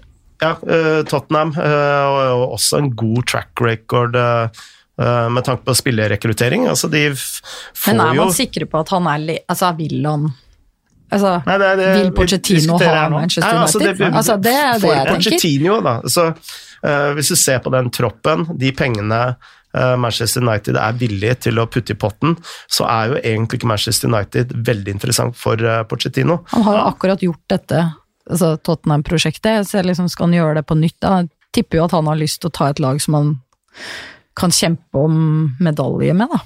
Jeg vet ikke. Bra! Ja. Da har vi fått svar på spørsmålet. Jeg syns ikke det er noe vits i å bruke masse tid og eh, energi på å starte et langtidsprosjekt for så å avslutte det etter 13 måneder. Er. Jeg tenker at det videreføres hvis man eh, Og yes, nå stiller jeg bare spørsmål her, for jeg har ikke landet på hva jeg, hva jeg tenker selv òg, men jeg mener at hele Solskjærs situasjon med Porcettinos uh, sparken i Tottenham, så ble det en slags joker i den situasjonen. Ja, eh, det- som jeg syns er spennende. Det er, men det er jo en, en link Han var jo linka mye dit før han, mens han var ansatt i Absolutt. Spurs også. Så, så det, det er jo veldig enkelt å, å trekke den parallellen der også, at mm. nå er han fri, og Solskjær gjør det ikke sånn kjempebra eh, nødvendigvis, men, men eh, eh, må, jeg mener at Solskjær må få mer tid til å vise hva han er god for på banen, i form av spillestil og sånn, for nå ser ikke jeg forskjell. Kunne, hvis de hadde hatt nøytrale drakter, så hadde jeg ikke sett om det var United eller Tottenham, eller det er, det er sånn, hva, hvor er spillemønstrene, hvor er, hva er spillestilen, hvem er det som er på banen her nå? Det hadde jeg ikke kjent igjen, så han må jo få tid til å få satt det, men, men han får jo ikke satt det før han er eh, kommet lenger i prosessen med denne eh, renovasjonen. Da. Marcus Rashford er ute eh, i hvert fall et par måneder, ser det ut som. med Dobbelt tretthetsbrudd i eh, ryggen. Det betyr at det er mye muligheter for Mason Greenwood å vise seg som eh, spiller. Vi går til blomster og kaktuser. Det var moro å se på. Morata var kjempegod. Hva i all verden? Han snakka om seg sjæl, han snakka om dommeren. Andreas Holmedal på Twitter eh, skriver at eh, selv en Premier League-podkast må vel kunne sende en liten kvast til Dortmund denne uken. Eh, det gjør vi. Eh, Erling Braut Haaland, eh, fantastisk. Eh, Thea Litchi ville gitt både blomst og kaktus til Steve Cook. Blomst for en strålende redning, kaktus for hodemisten. Kim Krekling Sandum, eh, ukes øyeblikk, uh, dåpen av Firmino, hvor både han og Alison tar til eh, tårene. Liten blomst til Solskjær, som ikke parkerer bussen og faktisk prøver å få noe ut, få tynt noe i, ut av kampen. Ble derfor en bedre kamp enn på lenge mellom disse lagene. Gøran Øksenvåg, blomster til Mike Dean for sin 500. kamp, kaktus til Ralf Hasenhuttel og dommerdebutant, som begge mente ikke var straffet til Wolverhampton. Ukjent helt, ikke så ukjent, men Neto eller Isaac Hayden. Jonas Jacobsen, kaktus til Walcott, som bare har glemt hvordan man spiller fotball. Eh, det er, det, den, er, den er knallhard, eh, føler jeg. Og så til slutt Espen Tangstad, kaktus. Richie som sparker hjørneflagget, treffer supporter der det gjør mest vondt. Blomst, supporteren som ble truffet. Ukjent helt. Dette er et meget godt eh, forslag, spør du meg. Posetto som redder på strek og ett poeng for Watford. Øyeblikk, redningen til Steve Cook. Hva har dere tenkt på selv? Jeg har en eh, del av de samme. Jeg har ja. Busetto på ukjent helt. Det var vel to millimeter, var det det? To millimeter ble det målt til, ja. Ja, øh, kaktus har jeg Nei, det ble målt til bitte litt mer, faktisk. Ja. Men det var på millimeteren, ikke centimeteren. Jeg har valgt å Det er på en måte et øyeblikk også da, med, med Steve Cook som gjør det han gjør, men jeg ender på kaktus med tanke på at det er såpass tidlig i en såpass viktig match. Jeg syns Goldfrey sin takling også er øh, i nærheten her. Jeg syns Ja. det er ganske stygg. Enig i det. Eh, vi har ikke snakket om Allison sin feiring på Salah-målet. det tenker jeg, jeg er- kanskje er øyeblikket. Det er litt øyeblikket for- for min del, altså. 100-metersløpet når han løper over for å feire med Jeg trodde det var en som, som streaka inn der, som bare tok fullstendig av fra tribunen, fordi det var en i svart drakt først oppe ved Sala på andre siden av Det kunne ikke være Alison, Eh, men så var det det. Det det Det var bare det helt, at han denger den av gårde opp på stillingen 1-0. Det er Ja, ikke snakk om hvor roe rolig det er. eh, der er det jo Henderson også som peker og roper Ja. til Alison nå, som eh, Skulle sett den i sånn tactical, sett hvor lang tid han faktisk brukte. Altså om han er oppi, altså om han tar en ny rekord på sprint. Altså, han har jo uh, John uh, Akterberg, som er keepertrener i Liverpool, uh, for øvrig alltid ute og melder ting og veldig liker å vise seg fram litt. da. Bruse litt med fjæra på Instagram og sånn. Han sa at uh, Alison var blitt målt til høyere hastighet enn en mange av spillerne i enkelte kamper, eh, som sier litt om hvor kjapp han er, og at det er kanskje en litt undervurdert egenskap. da, når han, igjen, som vi snakker om i stad, med høye linja til Liverpool osv. For øyeblikket må vi gi en bitte liten del av øyeblikket til dommer som eh, dømmer fordel på, på offsiden. da. På hvilken da? Det var jo offside i forkant av Alisons målgivende Ja, ja, ja, der, så han slipper å legge ned ballen og alt det, det der. Er det noen som har innsigelse på øyeblikket? Nei, eh, men jeg har en kaktus. Ja, eh, ja. Skal vi ta det før blomst? Vi tar blomst først. Blomst først, ja. Blomst først. Tar vi det positive først. Ja, eh, Jeg har en blomst til Eddie Howe, bare fordi han fortjener det. Ja. Nei, eh, han trenger det. Ja, han trenger det. Ja. ja, jeg er ikke helt uenig i det. Jeg er enig med han tilskueren som fikk Ja. hjørneflagg i balla der. eh, Ja. Blanding av det og ja. Isaac Hayden må også få en liten shout på, øye, på øyeblikket, da. Men eh, Blomst syns jeg han tilskueren han, måtte jo, han gikk jo helt i kjelleren. Ja. Han fikk tre poeng med seg, da. Han gjorde det. Så trøste kan legge is på på kvelden og se på Match of the Day og nyte tre poeng. Eh, da skal du få ta kaktusen din. Ja, det må jo være Manchester United som lar eh, Brandon Williams eh, ta van Dijk i eh, hodeduell på corneren. Ja, det er, eh, det er en eh, dårlig løsning, viste det seg. Ja, det er eh, ganske enig. Jeg syns jo eh, Solskjær eh, med Brandon Williams at han hadde egentlig ganske god kamp ganske lenge. da. Eh, Ja, ja, fantastisk. Og, og grepet som han prøvde å gjenskape fra Old Trafford også med, med wingbacker som, som skulle blokke Men, det. eh, men, Men jeg skal ikke ta den diskusjonen nå, da. Jeg skulle bare si at ja, altså, eh, sånn, Apropos det, så litt sånn i, i sånn ukjent heltkategorien og sånt, så syns jeg av, av de som klarte seg veldig bra på Manchester United, syns jeg Luke Shaw Ja. og Nemanja Matic, to som har fått ekstremt mye kritikk, eh, spilte gode kamper. Er Helt enig i Luke Shaw, og så ville jeg bytte Matic med Fred. som jeg synes Ja, Fred er, eh, spilte kjempegodt, det er, vi, det er jeg helt enig i. Ja. Men sånn med tanke på at eh, Matic er ferdig, og Matic kan ikke gjøre noen ting, og bla, bla, så syns jeg, han, synes han faktisk leverte en bra kamp. Jeg vil også si Digeo hadde jo noen fantastiske redninger der, som var skikkelig deilig å se. Men kan jeg bare si noe om cornere? Og eh, nå, nå er det Får du en sagt sånn kaktusen her? Ja, fordi det er jo en sånn stille revolusjon som eh, pågår nå. Det er eh, flere og flere lag som stiller opp i ren sone på, på cornere. Så det må folk det følge med på. Liverpool har gjort det lenge. Men var det ikke det som var problemet til Det United, problemet til United eh, som gjorde at Williams Ja. eh, For van Dijk holdt seg jo bare unna Absolutt, Maguire, jeg som sto sier ikke at det er en god ting, altså. Nei, nei, nei, nei. Eh, for at jeg mener at det er kaktus Ja. å stille opp i sone. Uten noen markering. Har du endt opp med å skulle heade opp mot sånn fyrtårn sånn Nora Holstad Berge eller eh, Nei, altså Jeg har aldri hatt noen markeringsjobb, det er jeg udugelig på. Okay. Så det, jeg kjører sone. Men jeg- jeg alle andre kan markere. Så Jeg regner med at åtte lag eh, spiller med ren sone på cornere akkurat nå. I Premier League. Ja. Jeg vil anta at Norwich er blant dem, eh, dessverre. Så uh, Ukjent helt. Jeg syns faktisk at det var et veldig godt forslag med Posetto. Mm. Hentet fra Udinese. Var det ikke debuten hans òg? Det var debuten hans. Han kom inn på tampen der, og så redda han eh, ja, rett og slett et poeng. Jeg mente at det var hans første touch på ballen i Premier League. Jeg tror jeg hadde én før, Ja, skjønner du. ja. men det kan ha vært hans aller første touch på ballen i Premier League. Så Den Udinese-Watford-linken den eh, med Pozzo- Ja. Pozzo-familien? Ja, Pozzo-familien, de Og der jobber jo også Stig Torbjørnsen. Det gjør han. Ja. Eh, Da fikk vi delt ut eh, det. Da tar vi en tur til eh, Bill Edgar. Arsenals syv siste. Aldri skjedd! Første gang siden er den sjette spilleren. Fun factsene til Bill Edgar. Bill Edgar er da statistikkmannen i eh, The Times. Kom med sine skråblikk og betraktninger eh, statistisk sett i uh, ekstrabilaget The Game på mandager i The Times. Vi siterer eh, Bill Edgar gladelig i uh, podkasten. Expected wow pleier å være høyere enn det er i dag, eh, men Bill Edgar kan ikke levere til toppkarakter hver eh, uke. Men vi, vi prøver oss med det han hadde, noe av det han hadde, i alle fall. Eh, Brentford håper å returnere til den øverste divisjonen etter 73 års fravær. De ligger eh, på playoff nå. Det blir i så fall den lengste ventetiden noensinne mellom to opphold i toppdivisjonen. Brentford rykte jo eh, som kjent ned i 1947, Ja, Ja. som kjent. Som kjent. Liverpool er på sporet til å bli det første laget til å gå ubeseiret gjennom en hel sesong i begge de to øverste divisjonene. For de gikk nemlig ubeseiret gjennom eh, det nest øverste nivået i 1893-94-sesongen. Som kjent. Som kjent. Eh, Da vant de samtlige av sine hjemmekamper. Så Liverpool kan også bli det første laget til å vinne samtlige hjemmekamper gjennom en hel sesong, både på det øverste og det nest øverste nivået. Den kan du bruke på puben, What a Rasmus. time to be alive! Så det er helt utrolig rekord på rekord som ryker her. Det er helt Kan nydelig. jeg, kan jeg spørre, hvorfor ble Liverpool-supporter? Å, det var fordi de hadde ah, brutt der. Røde drakter som Kongsvinger. Røde drakter som Kongsvinger. Og hvorfor det ble Kongsvinger? Ingen som vet.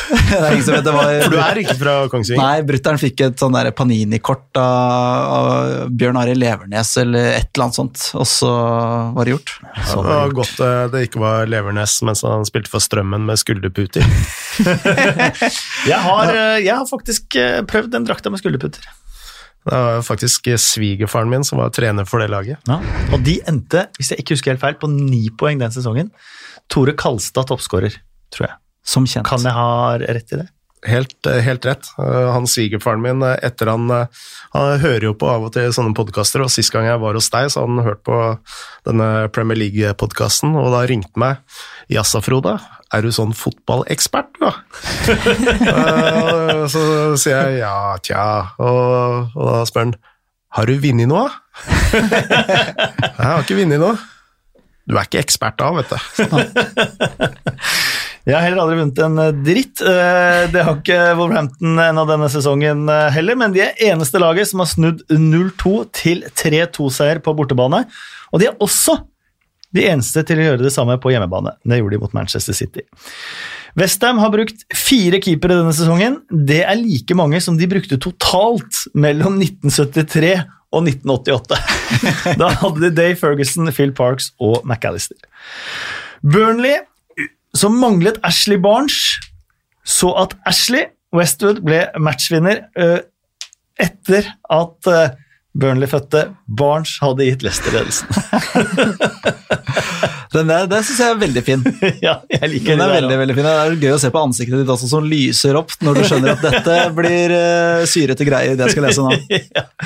Eh, Vi skal avslutte med fem kjappe spørsmål, eh, folkens. Men vi må aller først minne om din Shifads-podkast. Den finner du der du hører podkaster.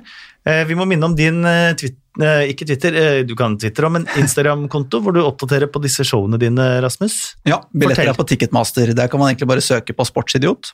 Og så er, det, så er det mulighet til å finne billetter. Vi er på Latter nå fra og med mars. Ja. Så hvis du hører på Premier League-podkasten, som du jo nå gjør, så skal det være et show for deg. Du vet at Svigermoren min hører på alle episodene av Premier League-podkasten. Hun gjør det? Ja. Ja. Jeg er Men ikke er, helt sikker på om det er show for henne, men det er et show, det er et show for de som lever med en sportsidiot også. Ok. Jeg kan jo legge til at eh, Rasmus uh, også lager en fantastisk eh, tennispodkast. Ja, Ja. det må vi Smash, ta med Smash. sammen med Ja, Sverre er Krogh Sunde. eh, Ja, stemmer. Eh, og du, Solveig, er det noe du vil promotere, promotere her nå? nå. Soloshow til høsten på Latter, Solveig. Eh, nei takk, det går fint.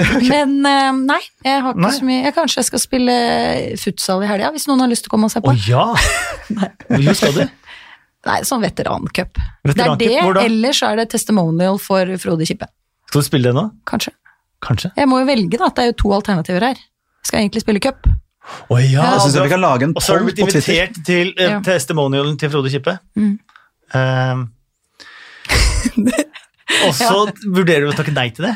Nei, men den kom liksom etterpå, da, så jeg kan jo liksom ikke jeg, Det er liksom noe med å Jeg er jo liksom lagspiller, da. Egentlig.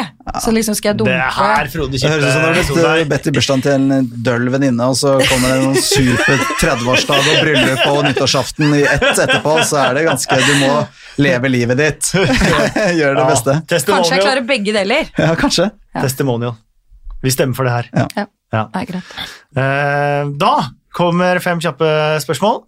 Kommer det en nordmann til Premier League i løpet av dette januarvinduet? Nei. Nei. Nei. Blir Bruno Fernandes Manchester United-spillere i løpet av dette vinduet? Nei. Nei. Nei. Blir dagens topp fire topp fire? Nei. Ja. Mm, nei. Hvem eh, tror dere kommer inn topp fire? Wolverhampton. Um, og nå må jeg tenke. Wolverhampton kommer inn for Chelsea. Mm. Ja. Ja. Bra. Mm. Taper Liverpool poeng på hjemmebane denne sesongen? Ja, siste kamp. Og da kan dere ikke ta de to øverste divisjonene! Nei, nei, det tror jeg ikke de gjør, men jeg tror det er stor sjanse for at de taper poeng mot Wolverhampton på torsdag. Dit skal jeg. Ja. Heldig. I know. Ja, de kommer til å tape poeng. På hjemmebane? Mm. mm. Eh, bør Jack Grealish starte neste landskamp for England?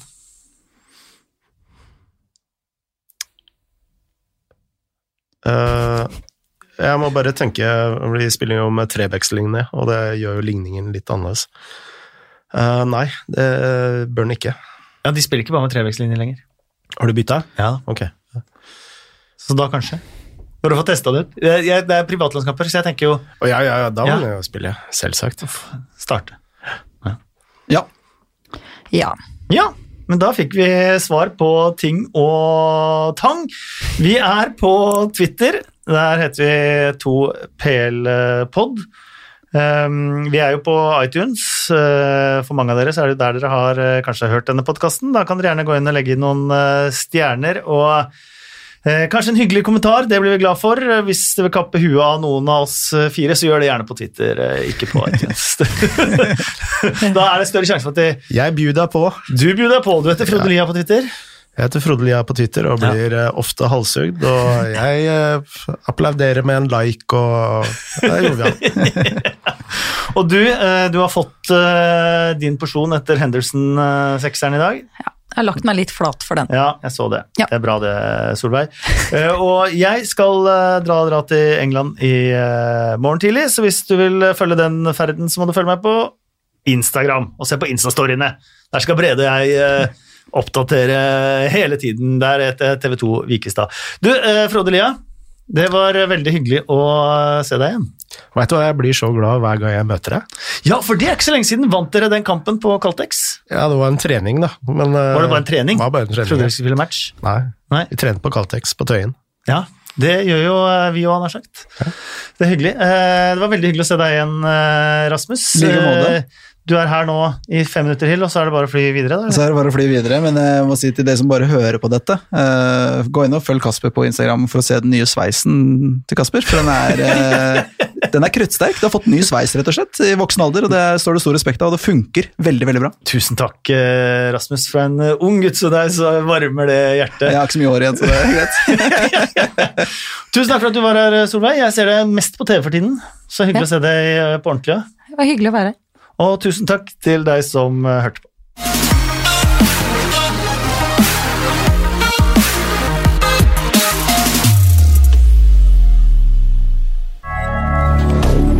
Moderne media.